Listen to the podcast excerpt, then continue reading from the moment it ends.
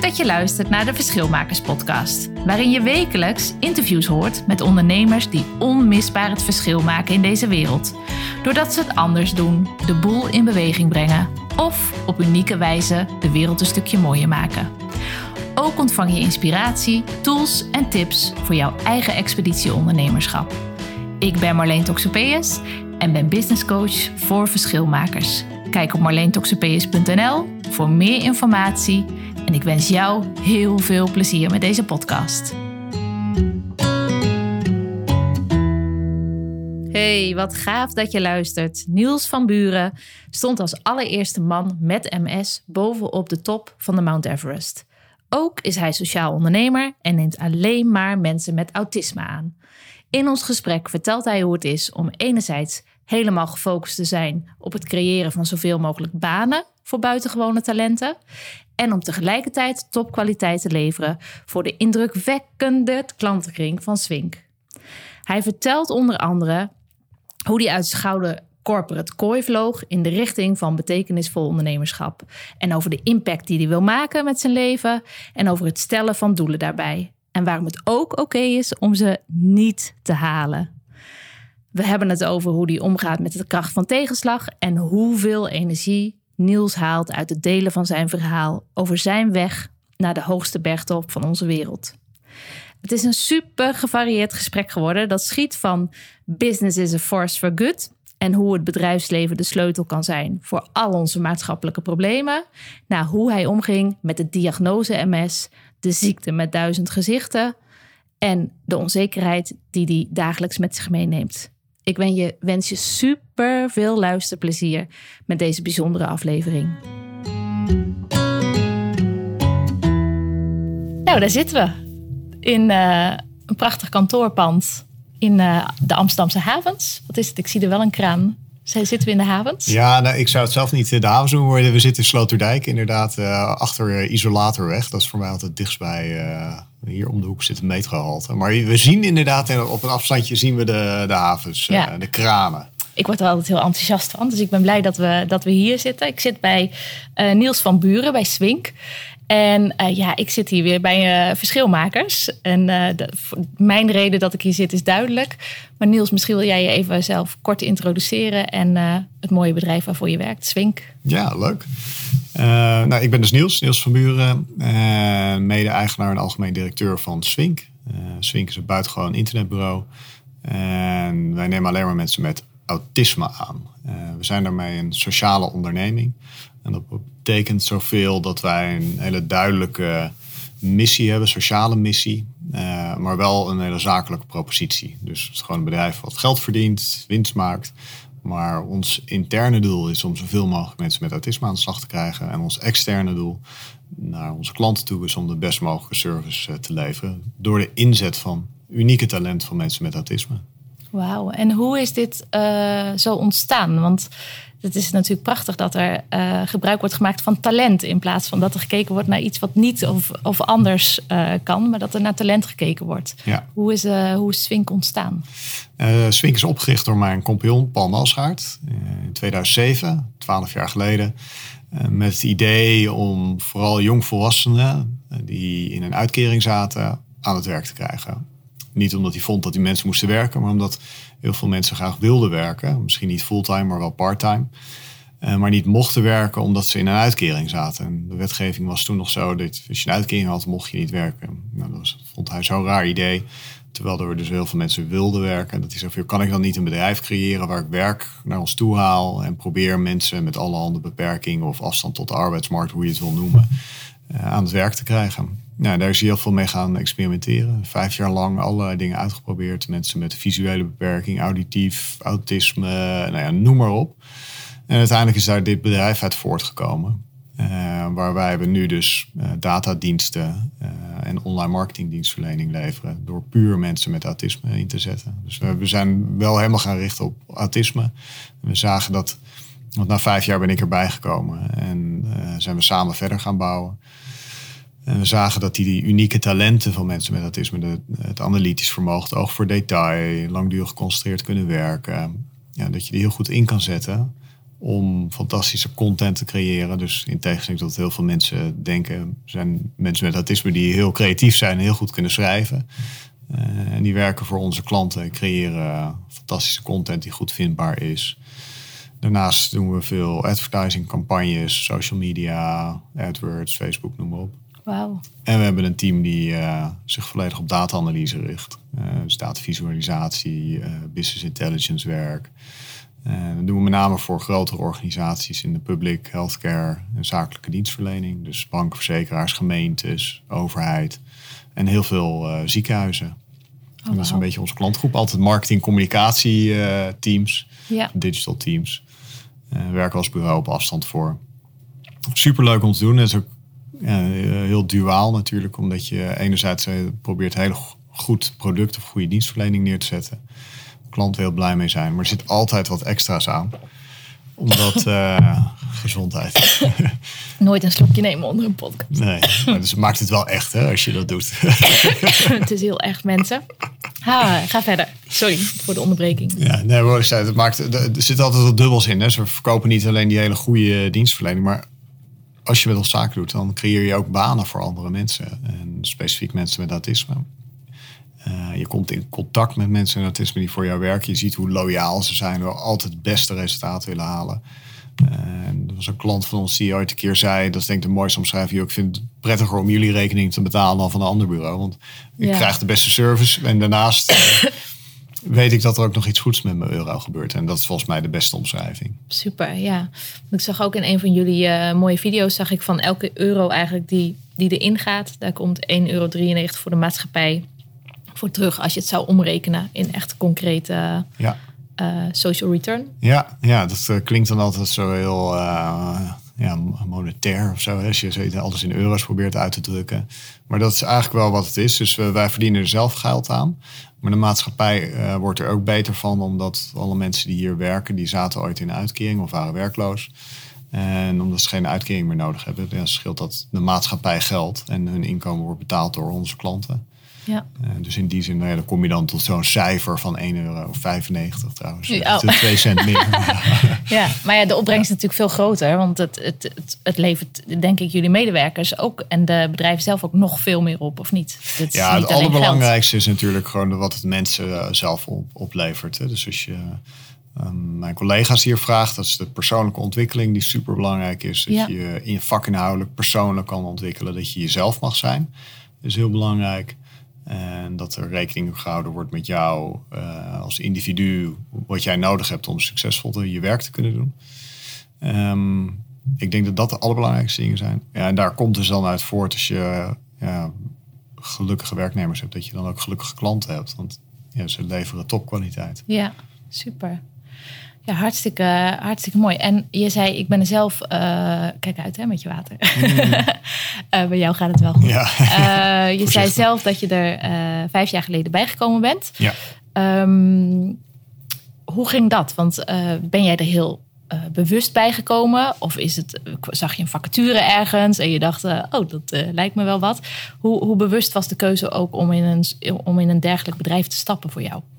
Um, nou, bewust en onbewust, realiseer ik me achteraf ook. Um, want ik ben dus, even kijken, vijf jaar geleden ingestapt. En ik kende Paul al uit uh, nou, veel langer vanaf de start van het bedrijf. Want ik werkte toen nog bij ING en was bankier. En nou ja, hij was klant bij mij. Dus ik kende het bedrijf al goed. Ik wist wat hij aan het doen was. Vond dat heel mooi. Maar ja, ik had verder mijn carrière binnen ING. Ja. En toen sprak ik hem dus weer in 2014. We zaten samen te lunchen en er was een hoop veranderd in mijn leven. Waardoor ik ook wat meer was na gaan denken over nou, wat vind ik nou echt belangrijk. En ik stond er heel voor open en ik vond het mooi wat hij, uh, hoe ver hij was gekomen. En hij zei veel, ik wil eigenlijk verder groeien. En toen heb ik, ja, ik weet niet of het heel bewust was, maar wel gezegd van... Ja, zou ik je anders gaan helpen? En zullen we samen kijken of we het verder uit kunnen bouwen? En ja, daar was hij verrast door. Uh, ik was misschien ook wel een beetje verrast door dat hij dat zelf zo zei. maar... Het hing opeens in de lucht. ja, en toen zouden we er verder over gaan praten. Nou ja, toen een paar maanden verder was het ineens zover. En toen had ik mijn baan opgezegd bij ING. En was ik ineens ondernemer. En ik wilde wel graag ondernemer worden. Dat speelde al langer. Dus in die zin was het wel bewust. Mhm. Maar het was niet heel bewust dat ik hier naar op zoek was. Het was wel, ik wist wel dat ik iets meer maatschappelijks wilde doen. Of iets meer doen dan alleen maar aandeelhouderswaarde creëren. Ja, Meer met mensen bezig zijn. Eh, en dat heb ik hier heel erg in gevonden, ja. ja, dat hoor ik veel vaker van mensen die uit de corporate wereld komen. Ik kom er zelf ook uit en ik, eh, ik had ook die drang om, eh, om meer te betekenen dan alleen eh, de, de winst verhogen van andere bedrijven toen ik Ja. nog in de reclame zat. Ja. Ehm, hoe werkte dat voor jou? Want je zei net, ik was in die periode ook een beetje be- bewuster aan het worden van dat ik dat wellicht wilde. Hoe, hoe werkte dat? Hoe, ging- hoe ging die keuze? Het is eigenlijk wel een wat langer proces geweest. Ehm, en nogmaals, ik was niet specifiek op zoek naar een sociale onderneming, maar wel Nee. iets meer maatschappelijk eh, was. En waar ik ook mijn eigen talent in kwijt kon. Dus het moest wel een combinatie van beide zijn. Dus, Ja, ehm, weet je, ik wilde niet bij een goed doel of bij een stichting werken. Heb ik ook nog wel over nagedacht. Ik wilde wel echt iets waar ik gewoon mijn eigen mijn zakelijke talenten kwijt kon. Maar dan ja, voor eh, een zeg maar, socialer eh, impact. En, en wij zijn eh, ook een Benefit Corporation, B Corp. En zijn, hun slogan is eh, Business as a Force for Good. Ah. En dat is ook hoe ik het eigenlijk voel en hoe ik het Ja. zie. Is dat je probeert eh, een, ja, een bedrijf of iets zakelijks probeer je in te zetten als ja, een middel om positieve impact te creëren. En dat is volgens mij wat het bedrijfsleven buitengewoon goed kan. En door gestandaardiseerd of juist procesmatig te werken. En, eh, en daarmee het verschil te maken in de wereld. En ik denk ook dat de sleutel voor alle maatschappelijke problemen die we hebben, die ligt eh, natuurlijk bij alle burgers, bij, eh, bij iedereen individueel wat je doet. Een stukje bij de overheid. Maar ik denk dat de sleutel ook bij het bedrijfsleven ligt omdat je als bedrijfsleven zoveel impact kan maken met de klanten die je hebt, het bewustwordingsproces, ehm, de werknemers die bij je werken. Ja, Ja. Ah, prachtig. Ik denk dat het ook de, de kracht is in, eh, eh, in heel veel mensen die ik zelf ook spreek. Van niet alleen het, eh, eigenlijk de zachte en de harde kant, of de zakelijke en de, de zweverige kant, hoe je het ook noemt. Van, Ja. om, als je die twee combineert, dat je dan ook echt de stappen gaat zetten. Die, dat, dat het niet een idee blijft, maar dat het ook echt Ja. een beweging wordt. En dat het ook wat teweeg gaat brengen in de wereld. Ja, en er zit ook een bepaalde logica in. Hè? Of, je, of er moet een bepaalde logica in zitten. Ja, want anders wordt het inderdaad zweverig. En dan denk je van ja, waar, waar draagt het toe bij? Maar het is zo logisch. We hebben in ons geval dat je de talent van mensen met autisme als data-analyst of als webredacteur inzet. Je kijkt gewoon waar zijn mensen goed in en, en dat probeer je eh, beter te maken. En nog beter. Dus Ja, eh, ze zijn er al goed in en door er nog beter in te worden, ja, dan, word, dan word je excellent. En dat komt door het autisme. En dus en daarmee heb je dus ook wel een succesvolle bedrijfspropositie. ja, en zo kun je denk ik ook, eh, als je mensen blind zijn of doof zijn, kun je ook weer kijken wat zijn daar logische combinaties. Als je blind bent, ben je eh, waarschijnlijk beter in staat om goed te luisteren. Of en zintuigelijk heel erg eh, ja, ontwikkeld. ja, kun je weer andere dingen doen. Ja, Ehm, dus ja, zo zijn er zoveel logische matches volgens mij te maken. Je moet ze alleen wel vinden. En binnen het bedrijfsleven, ehm, die kunnen zelf ook kijken van waar zitten die logische matches te maken of met talent van mensen. ja. Eh, vind je dat het, eh, want de laatste tijd hoor je het steeds vaker, eh, sociale, sociaal ondernemen. Ja. Ik heb zelf bij de Business Club gewerkt in Rotterdam. Ik weet niet of je het kent. Dat Van naam, maar Oké, ja. dat zijn ehm, eh, jongeren die al vaker eh, werkloos zijn geweest. Of, Oh ja, ook een ja. criminele achtergrond kunnen hebben. Ja. En die, ehm, die nu met een programma echt of weer naar een baan of naar een eigen bedrijf of weer naar school geholpen worden. En dat is ook een eh, social impact nou, ehm, project. Ja, ja. En daar ging het ook heel erg over de euro's. Daarom ging het net over de euro's beginnen. Omdat het de harde kant is. Omdat het het bewijs is wat geleverd moet worden om weer door te kunnen eh, gaan. Maar dat was ook zo mooi om te zien. Dat, Ja. dat er zoveel mooie dingen gebeuren. Met zoveel grote bedrijven ook die erachter, eh, Ja. erachter Ja, staan. dat ken ik, ja. Ja, dus dat, En ik eh, denk, kijk, onze economie zit nu nog zo in elkaar. En dat alles in euro's uitgedrukt wordt. En, en dat zal in de toekomst waarschijnlijk een keer veranderen. Dat we meer naar maatschappelijke waarden gaan kijken en zo. En dat, weet je, daar wil ik best in meegaan. Geloof ik ook dat wel een keer die kant op gaat. Maar als het nu nog niet zo is, dan moet je het gewoon nu uitdrukken in, Ja. in dingen die andere mensen begrijpen. ja, ja, dus communiceren naar wat ze, willen, wat ze willen horen. Ja, precies. Ja, ja. En ehm, over jouzelf, Niels, want eh, eh, jij werkt hier, jij bent hier ingestapt. Wat is het verschil dat jij wilt maken in jou en met jouw leven? Ehm, ja, ik wil uiteindelijk als diep in markt kijken ook impact maken op, op de levens van andere mensen. En, dat je het idee hebt dat je iemand geraakt hebt of dat je ergens invloed hebt gehad in positieve zin. Eh, of dat nou je medewerker, collega of klant uh, of wie dan ook is. Uh, dat kan zijn doordat je de kans biedt aan iemand om hier te werken of dat je een klant inspireert hoe het is om talenten van mensen met autisme in te zetten.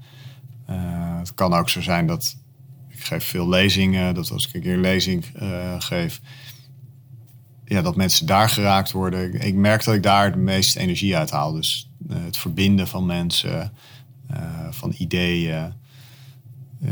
dat is wat ik leuk vind om te doen, dat is waar ik denk ik goed in ben. En ja, daar wil ik ook in die zin dan het, het verschil in, in, kunnen maken. En mensen kunnen laten zien dat er soms veel meer kan dan je soms voor mogelijk houdt. Hè? Als, je, ja, als je je problemen maar durft te accepteren, dat lijkt soms veel makkelijker dan het is. Uh, ja, dan is er veel meer mogelijk. Ja, mooi. Dan heb je nog meer, ben je nog krachtiger dan dat je ja. hebt gezien of ja. dan dat je, dat je ja. ziet. En um, uh, nu sta ik voor dat uh, ZZP'ers en ondernemers. Dat ik zie bij heel veel ondernemers dat ze een soort van ideaal bedrijf proberen neer te zetten. Uh, ten koste van hun leven eigenlijk. Ja. En dat omdat ze zo hard aan het werk zijn om het voor elkaar te krijgen. En um, ik geloof heel erg dat als je je ideale leven visualiseert, of je, nou, je het verschil weet welk verschil je wilt maken met je leven. En uh, dat je daar je bedrijf als middel eigenlijk voor inzet, dat het een veel gezondere combinatie, uh, combinatie is. Ja. In hoeverre um, uh, leef jij al je ideale leven of ben jij onderweg naar je ideale leven? Ja, het is ook een filosofische vraag eigenlijk. Ja, ja, ja, nou, ik hou heel erg van filosofie. Maar ik denk dat je bijna nooit je ideale leven kan leven. Dus dat je altijd onderweg zal zijn uh, er naartoe. En ik geloof in het stellen van uh, ambitieuze doelen. En, maar dat die doelen uiteindelijk een soort middel zijn om reizen te maken, dingen mee te maken en te ervaren. En of je die doelen nou haalt of niet, is uiteindelijk niet heel relevant. Alleen voor mij werkt het zo dat uh, ik dat doel nodig heb om te weten waar ik aan moet werken, wat ik wel moet doen, wat ik niet moet doen. Uh, het helpt wat makkelijker om mijn leven in te delen. En ik herken ook wel heel erg dat mensen keihard werken. En weet je, dat, dat heb ik zelf ook. Dat je soms denkt van ja, uh, het moet wel leuk blijven of zo. Dat, ja. Ja, maar dat zijn denk ik ook fases die erbij horen. En zolang je maar daarop weet te reflecteren en af en toe terug te kijken. En dat je denkt van ja, ben ik nu met de goede dingen bezig of niet? Ja, dan kun je nog elke keer bijsturen. Ja. Maar het is natuurlijk ook niet ja, altijd maar leuk of zo. Ik ben nu toevallig dat boekje aan het lezen. Uh, het, het zelfverwoestingsboek of zo, geloof ik. Oh, en, in plaats van de zelfhulp. Uh, ja, boek, precies. Het is een soort uh, een parodie bijna op alle zelfhulpboeken. Oh, geweldig. ja, het is echt in zekere zin wel een aanrader. Het is wel weer een eye-opener. Ja. Ik ben niet met alles eens, maar het is denk ik ook wel, je proberen altijd alles maar beter te maken. Je moet op een gegeven moment niet een soort sla, dat haar oproep. Je moet niet een soort slaven worden van de techniek of van uh, de processen. Of dat alles maar perfect moet zijn. Ja. En ja, daar geloof ik ook wel in. Dus dat je, en nogmaals, als je de, voor mij werkt het heel goed als, als ik een doel stel en ergens naartoe wil werken maar of je doel haalt, dat, dat, maakt niet zo heel veel uit uiteindelijk. Nee. En meestal heb je het doel ook alweer lang bijgesteld. Of tenminste, ja. laat ik voor mezelf spreken. Ik, ik, voor mij brengt het mezelf in beweging en geeft het me richting. Ja. En uh, ik, ja, ik, ik zoom zo vaak uit dat ik dan denk... oh ja, maar ik wil toch meer... Ik wil toch meer die kant op of toch meer die kant op. Ja. En dan blijf je in dezelfde richting gaan. Maar dan is gewoon uh, Klopt, uh, is het einddoel anders. Omdat het dan weer een ander andere uitdaging ja. uh, gaat dienen. Ja. Dus dat uh, ja. mooi. En um, hoe, um, even denken, wat vind jij het allerleukste van ondernemen? Um, ik denk wel de variatie. Uh, ik kwam natuurlijk uit een heel groot bedrijf. En Protocollen. ja, protocollen. En, eh, maar ik, dat ging eigenlijk prima. Ik vond het hartstikke leuk. Het was heel professioneel allemaal. Eh, als laatste was ik manager, ik was secretaresse en toen kwam ik in een heel klein bedrijf en toen moest ik ineens zelfs mijn visitekaartjes regelen. Dat klinkt natuurlijk allemaal heel blasé, maar zo Ja. bedoel ik het niet. En die denken, oh ja, nee. Dus dat, eh, ik vond dat superleuk. Ja, En ehm, de impact die je kan maken is veel directer in een klein bedrijf. Je kan ook direct bijsturen. Dat is ook weer het gevaar, hè, dat je van links naar rechts gaat en alle kanten Ja. op. Ehm, dus ik heb heel veel gehad aan de, alles wat ik geleerd heb, zeg maar, in die grote professionele omgeving. En, er, en ik kan daar allerlei stukjes uit gebruiken hier. En ik heb ook weer heel veel dingen moeten leren om veel meer, ja, veel- operationeler te zijn. En, nou ja, dit is een groeibedrijf, dus doorlopen allerlei stappen. Nou, ehm, dat vind ik heel leuk. Hè. Dus ik, ik leer er heel veel van. Ehm, dus ik lees ook heel veel van ja, over hoe, hoe doe je dat dan. Dat is best wel moeilijk om een bedrijf te laten groeien. En in- misschien de eerste fase is nog het makkelijkste, maar de, daarna wordt het veel ingewikkelder. ja, Dus je komt op een gegeven moment van eh, vijf naar tien mensen, van tien naar vijftien naar twintig. En nou ja, zo elke keer weer verder. En dat vergt elke keer weer nieuwe dingen van jezelf. Dus je moet ook jezelf elke keer weer uitvinden. En dan moet ik dus eh, met dingen stoppen en weer nieuwe dingen gaan doen. En ja, weer steeds meer focus eh, aanbrengen. Dus overal, als je vraagt van wat vind je leuk, is divers- diversiteit, de, het continu blijven leren. Eh, ik vind het fijn dat het veel platter is qua aansturing, qua mensen, de impact. Eh, er zit ja, veel minder tot geen politiek in. nee. Eh, dus ja, ja, ik vind dat wel. het wordt ook een onderdeel van je identiteit op een gegeven moment. Dat, ja, het ondernemen of ja, kansen zien, dingen aan elkaar knopen. Ja. Mensen het creatieve, voorzien. het Ja. creatieve brein wordt natuurlijk nooit uitge, uitgeschakeld. Nee, nee, precies. Soms ja. helaas, maar vaak eh, heel prettig. Ja, dat klopt, ja. Ja, en wat vind je het stomst aan ondernemen? Eh, het stomste. Ik, eh, daar heb ik wel- was laatst ook een keer over nagedacht. maar Ik weet eigenlijk niet zo goed wat ik er nou echt stom aan vind. Ik denk ik niet zo heel veel. Maar ja, de fases waarin het tegenvalt of tegenzit, die zijn natuurlijk nooit leuk. Weet je wel, als de omzet tegenvalt of als er iets niet goed gaat. Eh, ja, ik denk dat er zeg maar twee dingen. Dus als omzet tegenvalt of als er iets met medewerkers is of dingen niet goed gaan, dat, dat is natuurlijk nooit leuk. Nee. Ehm, maar de- daarvan kan ik niet zeggen dat ik het stom vind. Het is, het is gewoon niet leuk, weet je. Dat gaat je aan je hart of, dat, eh, ja, of daar zit je mee. Je kan beter vragen van ja, waar, waar lig je van wakker? Dat, ze- dat, ja, dat als het over klanten gaat of over, over medewerkers gaat. Ja. Ja. En voelt het ook, eh, hoe voelt de verantwoordelijkheid voor jou eh, dat je ook medewerkers in dienst hebt? Want jullie hebben, hoeveel medewerkers hebben jullie nu in dienst? En nu met een kleine twintig man. Ja. Dat, dat kan best. Het Ja. kan me best als een zware verantwoordelijkheid op de schouders eh Ja, voelen. zeker. Ja. Hoe ja. werkt dat bij jou? eh? er niet heel veel last van, maar je denkt natuurlijk af en toe wel over na. Want je bent natuurlijk wel verantwoordelijk voor het inkomen. ehm, en voor het pensioen en zo. Ja, al die, die basale dingen. ja, goede werkomgeving, plezier. En er komt soms best wel veel bij kijken. Eh, dus er zit ook een financiële verantwoordelijkheid aan vast. En, ja, en dat is, nou ja, dat, is, dat is ook niet een stom ding, maar dat is natuurlijk wel ook een ding waar je soms zorgen over hebt Ja. of kan hebben. Ja, dat moet allemaal wel goed blijven gaan. En wat als de economie nou veel slechter gaat? Eh, eh, wat betekent dat dan? ja, Ja. Spannend. Maar dat zal elke ondernemer denk ik wel hebben. Dus dat je, eh, je, hebt natuurlijk je hebt goede mensen nodig. Je hebt fijne klanten nodig. en- Ja. En, je, en je hebt geld nodig. Ja, ja En maar ik kan me toch voorstellen, want ik, ik spreek veel eh eenpitters, zeg Ja. maar. Dat, je- kijk, eerst zijn het vijf mensen op, wie, op wiens welzijn en op wiens leven je invloed hebt. Want het is toch het hele, hun leven en de omgeving van die mensen waar je, Ja. Nou ja, waar je invloed op kan Ja. hebben. Dat, eh, dat lijkt mezelf eh, eh, lijkt me dat best wel heftig af en toe. Dat het, Ja, ja je ervaart het niet, niet zo. Maar het is wel een verantwoordelijkheid Ja. die je hebt. En hoe groter je wordt, hoe meer... Dan worden de getallen worden groter. Dus, als, dus het wordt nog belangrijker om je sales en marketing bijvoorbeeld goed op orde te hebben. Zodat je continu voorzien bent van voldoende werk. ja, ja, dat weet je. Dus die verantwoordelijkheid verschuift. Kijk, als je kleiner bent, en je hebt genoeg geld, ja, dan kun je nog alle kanten op. Dan kun je eens een keer een missertje hebben en dan kun je een keer... Beetje leergeld. Ja, en dan is de impact toch wel wat minder groot allemaal. Maar ja, zodra de, getal, de aantallen mensen groter worden, worden getallen groter. Dus dan Ja. moet je het allemaal wel wat strakker aansturen. Ja. Ja. Nou, mooi dat jij op deze positie zit. Ik hoop het. ja. Hoe, ehm, hoe ga jij om met eh, tegenslag als het allemaal niet zo gaat als, eh, eh, nou, als je voorzien hebt? Bijvoorbeeld net vertelde je over als de omzet daalt of Ja. er trekt een klant zich terug of iets dergelijks. Ja. Hoe ga je daarmee om? Want ik denk dat veel luisteraars daar ook van kunnen leren. ja. Ehm, hoe doe jij dat? Ehm, Of jullie? Ja, jullie? ja, misschien wel. Kijk, ik denk dat dat voor iedereen natuurlijk individueel afhankelijk is hoe je ermee mee omgaat. Tegenslag is natuurlijk nooit leuk. Ehm, en iedereen ervaart denk ik een keer in zijn leven eh, tegenslag. Dat, eh, ja, je- statistisch gezien ontkom je er denk ik eh, bijna niet aan.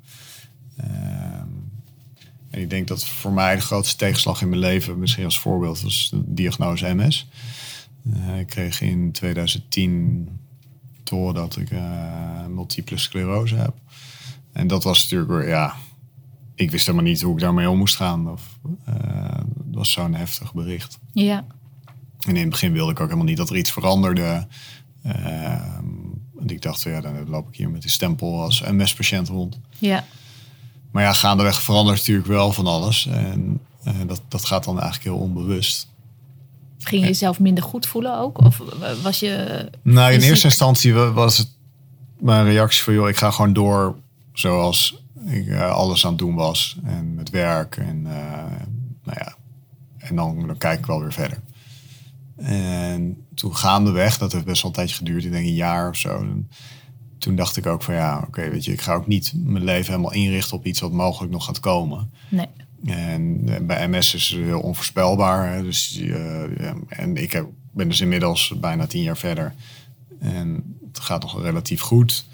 Maar ja, de een die komt in een rolstoel en de ander die eh, loopt marathons. Eh, dus, en alles wat ertussen zit. Dus eh, de ziekte heeft duizend gezichten. En dat maakt het ook wel lastig soms voor de buitenwereld om te begrijpen. Ja. Want ik ben fulltime ondernemer en doe nog allerlei andere dingen. Ehm, maar het was ja, best ingewikkeld om te denken van ja, hoe ga ik daar met die onzekerheid naar de toekomst, hoe ga ik daar nou mee om? Ja. En eh, ik heb wel geleerd dat als je durft aan te kijken, het probleem of de situatie waar je mee geconfronteerd wordt, dus in mijn geval die diagnose, ehm, dat dat wel de eerste stap is die je moet maken. Ja, dat is heel cliché, maar dat acceptatieproces eh, is wel cruciaal om verder te komen. En wat wel geholpen heeft, is dat ik op, met, op een gegeven moment met veel mensen over ben gaan praten. En toen werd ik op een gegeven moment gevraagd door MS Research of ik een spotje in wilde spreken voor de radio. Dus Oh, wauw. ja, toen ik dat gedaan. Dus Was je ik helemaal oud in die open? Ja, precies. Toen kon ik helemaal niet meer onderuit. Ja. Uit de kast?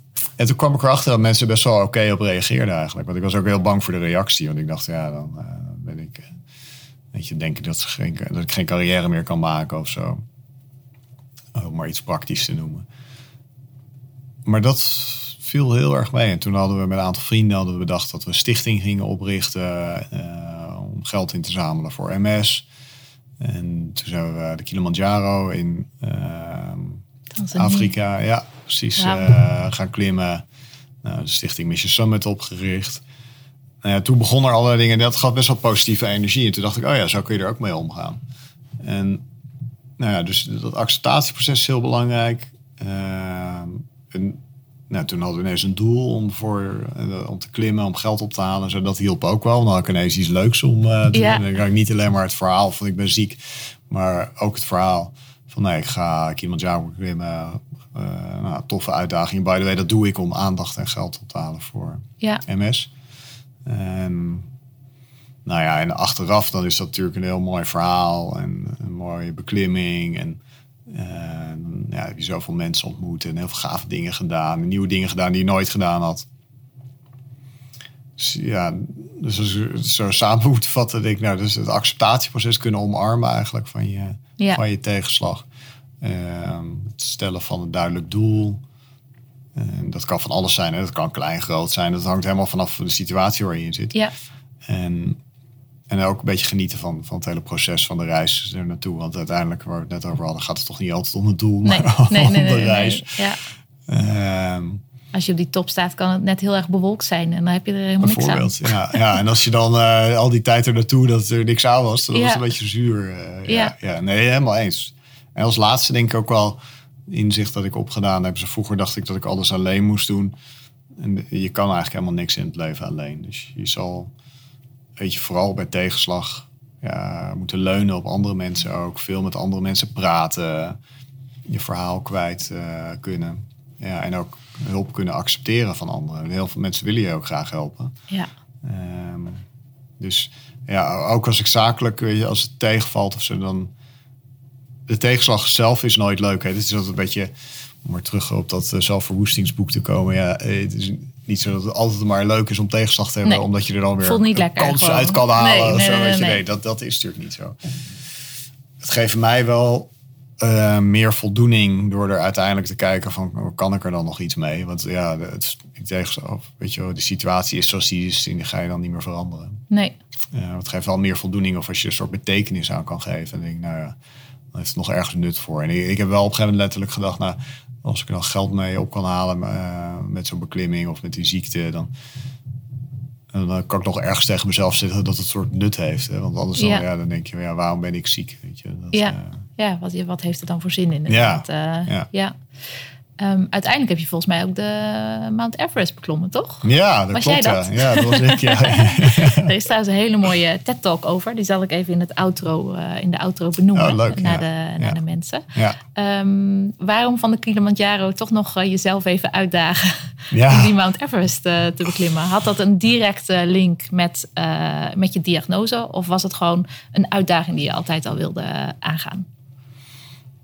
Nee, het was niet iets wat altijd al op mijn lijstje stond. Het was wel zo dat na de Kilimanjaro we terug waren en ik realiseerde mij als ik dit kan, wat, wat kan ik dan eigenlijk nog meer? Ja, wauw. Ja. Mooi. En ehm, toen ben ik gewoon gaan kijken wat is de hoogste berg ter wereld. Ja, en toen, toen zag Mount Everest, het, ja, dat was een beetje dom, maar ik dacht toen van nou dat kan ik volgend jaar wel doen. Dus toen had ik op Facebook gezet wie gaat er volgend jaar mee. Ja, het sloeg natuurlijk helemaal nergens op, want eh, ja, je, hebt, je hebt gewoon heel veel ervaring nodig. En Je moet allerlei dingen kunnen die ik helemaal nog niet kon. Je voelde je krachtig. Dat, ja, dat eh, wel. Ja. Ik dacht van nou, dat, eh, Onoverwinnelijk. precies ja. En ik was erachter gekomen dat ik, ehm, dat ik de eerste man ter wereld kon worden die MS, eh, met MS eh, Everest zou beklimmen. Er was een vrouw mij al voorgegaan. Dus die, eh, ja. ja, dat gun ik haar. Ze is een hele aardige vrouw. Ah, leuk. En ja, toen dacht ik wel van nou oké, eh, als het dan niet in een jaar kan, hoe, hoe dan wel? En toen ben ik met heel veel mensen weer gaan praten. En nou ja, trainingsschema gemaakt, veel expedities gaan doen, technische ervaring opgedaan, heel veel de bergen in geweest. Nou, toen had ik in drie jaar, wat nog steeds relatief kort is, eh, voldoende ervaring, conditiekracht opgebouwd om daarin te kunnen. En toen had ik de mazzel dat het dus in één keer lukte met het weer en dat ik niet ziek werd en dat soort dingen. Ja. Ja, dus dat was eh, letterlijk en figuurlijk hoogtepunt eh, uit mijn leven, ja. Prachtig. En was het, was het bewolkt of kon je... Nee, het was hartstikke mooi weer. Kijk, ja, ja, goed zo. Goed zo. En, eh, want ik kan me voorstellen dat met de diagnose die jij hebt... dat een, een drie jaar training, dat dat ook nog heel heftig... Een, een lang vooruitzicht is. Want je weet natuurlijk absoluut niet wat er gaat Nee. gebeuren met, Klopt. je, met jezelf. Ja. Dat- ja, dat was natuurlijk ook een grote onzekere factor. En, eh, maar ook daar ben ik maar ingegaan. Ik dacht van nou, ik zie wel hoe het loopt. En eh, het is relatief goed gegaan. Ik had af en toe wel wat setbacks, maar niet zo erg dat ik daar niet door kon klimmen. En de problemen die ik ervaar, eh, die zijn met name dan gevoelstoornissen. Dat ik geen gevoel in mijn handen heb of, of op mijn borst of dat ik vlekken in mijn ogen zie. Ja. Ehm, ja, dat is natuurlijk allemaal heel onzichtbaar. Dus als mensen dan vragen Ja. van... ja, het? ja, ja, goed. maar heel veel zie je niet. En andere MS-patiënten zie je het wel. Die zitten in een rolstoel en of eh, kan moeilijk lopen. En je hebt zoveel verschijningsvormen. Ja. En dat maakt voor iedere MS-patiënt ook moeilijk om uit te leggen... van ja, wat die ziekte voor hem of haar betekent. Ja. Eh, en ik ben dan een rare uitzondering. eh, of, oh, nou ja, dat is helemaal niet waar, want er zijn heel veel MS-patiënten die gewoon werken en allerlei dingen doen. Eh, maar wel een rare uitzondering dat ik dan zo'n berg beklim. En de top haalt. Ja, Dat is ja. voor, eh, voor, voor eh, totaal gezonde mensen al eh, Ja, klopt. Ja. hartstikke, hartstikke ver weg. En ben je nu ook helemaal hooked aan mountaineering of niet? Of is het, eh, Ehm, ja, ik ben er wel hoekt aan, maar het, het probleem is een beetje de tijd ook. Dus dat, ik zou het heel graag meer willen doen. En dit was natuurlijk super gaaf. En alles wat ik in die drie jaar. eh, maar ik heb ook wel heel veel tijd erin gestoken ervoor. ja, en veel ook wel heel opgegeven. Ja, veel opgegeven, veel gevraagd van mijn omgeving. Ja, Van mijn vrouw onder andere, van het werk. Dus ja, ik heb er wel de balans op gemaakt en dacht van ja, als ik dit door wil zetten en als ik alle hoogste toppen van al, elk continent bijvoorbeeld wil beklimmen, ja, en dan kost dat zoveel tijd en ik weet niet of me dat waard is. En ik wil me ook richten op het succes van Swink. En dat kost ook wel veel tijd en energie. Ja. En dus Ja. voorlopig heb ik gezegd van nee, ik stop er eventjes mee. ja. En het is ook een beetje als je al wereldkampioen bent geweest, dan is het ook, eh, is het ook anders om misschien wel naar een lagere berg te gaan. Of valt dat mee? Nou ja, er zijn Iedereen veel heeft zijn eigen uitdaging dingen. natuurlijk. Ja, ja, maar er zijn veel mo- moeilijkere dingen. Dus dat eh Everest is dan wel de hoogste berg, maar technisch zijn er veel moeilijkere dingen. Ja. En er zijn heel veel andere bergen nog die mooi zijn. Dus er, er is genoeg uitdaging. Dat Ja. is het probleem, denk ik niet. Ja. En je kan altijd wel weer iets ingewikkelders bedenken. Ja, dat, zeker. eh, zeker. maar het, het, nogmaals, het is meer die afweging van, joh, waar, waar wil je je tijd en energie in stoppen? En ik vind heel veel dingen leuk. En nog, ik wil een succes maken van, van Swink. En zorgen dat we meer banen creëren voor mensen met autisme. Ja, want jullie, eh, jullie doel is, wat is jullie doel ook alweer met Swink? Ja, we hebben gezegd eh, dat we naar de 100 man in ieder geval toe willen groeien in een aantal jaar. Eh, dus dat betekent dat we nog, ja, dat we moeten vervijfvoudigen. Ik denk ook dat dat kan. Er zijn helaas nog veel mensen met autisme werkloos. Iets van 54% in Nederland. Zo. Dat is een hoog percentage. En best een deel daarvan die zou dit soort werk kunnen doen. Daarnaast is er veel vraag in de markt naar online marketeers, naar data-analysten. Eh, en tot slot, ja, bedrijven zijn zich ook steeds bewuster van ja, de mensen met wie zij werken. Eh, op dit moment is het niet zo dat wij mensen detacheren. Dat, eh, dat ik denk dat we er volgend jaar wel mee aan de gang gaan. Dus op dit moment eh, werken we echt als bureau, dus je huurt ons in. Maar op die manier kun je wel ervaring opdoen met het werken met mensen met autisme. Ja, En dus ik denk dat er genoeg potentie is dat we kunnen laten zien en anderen kunnen inspireren ja, op op een sociale manier kan ondernemen. Wat dat dan betekent, dat je er gewoon geld mee kan verdienen en iets goeds kan doen. ja. En dat dat ook de toekomst is. En dat, daar geloof Dat ik het meer de norm wordt. Dan, Ja, eh, dat dat een nieuwe dan de normaal wordt. uitzondering. Ja, Ja, ja, ja. Ja. Heel goed. ja. Leuk.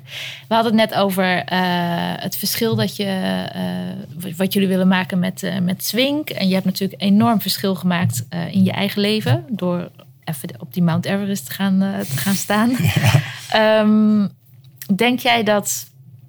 Ik hoor van veel mensen, als ik het over verschilmakers heb... dan zeggen ze, ja, dat, is toch, dat zijn mensen zoals Nelson Mandela... en mensen die, een, Ja. die bijvoorbeeld de Mount Everest beklimmen. Dat is toch, daar moet je iets heel groots voor doen. Eh, hoe denk, wat is jouw definitie van een verschilmaker? Ja, ik vind dat per definitie, niet, eh, per definitie niet zo dat je dus bekend moet zijn of iets heel groots moet doen of iets dergelijks. Gewoon deze. Ik geloof dat iedereen een verschilmaker kan zijn. En voor de ene is dat maar, de persoon die voor zijn moeder of vader zorgt. Of eh gehandicapt kind, ik noem maar wat. Ehm, je en je, eh, je- als je verschilmaker wil zijn, moet je wel, mm, denk ik, durven te laten zien ook aan anderen. En want daar inspireer je ook weer andere mensen mee. Dus als je het alleen maar voor jezelf houdt, dan, is dat, dan ben je de verschilmaker voor het individu. Dus misschien moet ik het nu nuanceren. Dus iedereen kan een verschilmaker zijn. Maar als je dat aan het grote publiek wil laten zien, dan kun je nog meer mensen bereiken. En je kan het verschil maken dus voor iemand in jouw omgeving. Maar je kan het ook voor meer mensen doen. En er zit nooit een moeten aan eh, voor mij. Het is ook maar net waar jij de voldoening aan, eh, ja, aan ontleent. Ja, Eh, nou is Nelson Mandela wel een van mijn helden, maar en een voorbeeld in hoeveel dingen hij deed. Maar ik heb veel over hem gelezen. Hij was ook niet altijd een hele leuke man, denk ik, voor nee, iedereen. Nee, nee, dat, nee, eh, nee. En ook niet eh, perfect. Eh, de Dalai Lama is ook perfect. niet perfect. Nee, Die zal ook wel eens schelden. En, ja. Dus ik denk dat je. We moeten ook niet een soort idealistisch beeld creëren van wat je dan moet zijn. nee. En ik sprak twee weken geleden op een event. Uh, samen veerkrachtig, waar allerlei mensen kwamen. Was een soort themadag die arbeidsongeschikt zijn.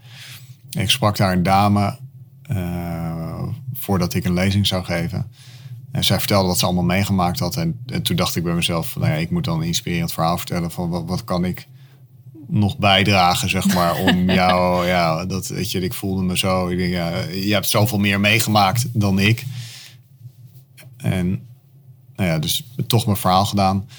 Ik was er van tevoren een beetje zenuwachtig voor, want ik denk, ja, hoe zal zij daar nou op reageren? Want ik vertel dan over de kracht van tegenslag en dat je er altijd wat positiefs uit kan halen. En zij was de eerste die er hand op stak. En uh, toen dacht ik, oh, nu krijgen we het. Ja, en, um, en wat ze zei is van, dankjewel. Zeg maar, ik, ik, ik zag het echt niet meer zitten. En je hebt toch iets in me geraakt. En uh, een soort vuurtje weer aangewakkerd. En nee, dat, ik zeg dat niet om... Maar het is meer omdat het voor mezelf een soort insight was. Ook dacht van, oh ja, weet je, dus hoe belangrijk het is om toch mensen om je heen te hebben die af en toe...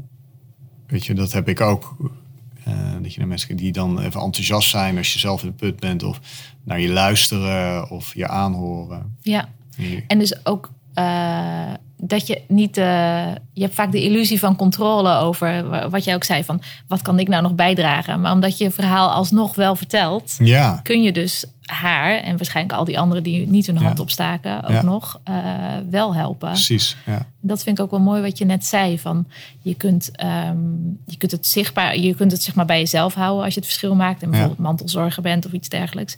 Maar als je ermee naar buiten treedt, dan kun je dus een groter, een groter effect daarmee uh, uh, behalen. En dat ik denk dat veel ondernemers, vooral de starters, die zich wel willen meten aan, uh, aan de succesvolle mensen en, ja.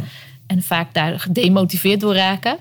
Die dat, dat die dat wel kunnen gebruiken van oké, als ik het wel zichtbaar maak, als ja. ik wel naar voren durf te stappen en al die barrières uh, durf te doorbreken van het zichtbaar worden en het uh, op, de, zeg je, op het podium te stappen bijvoorbeeld.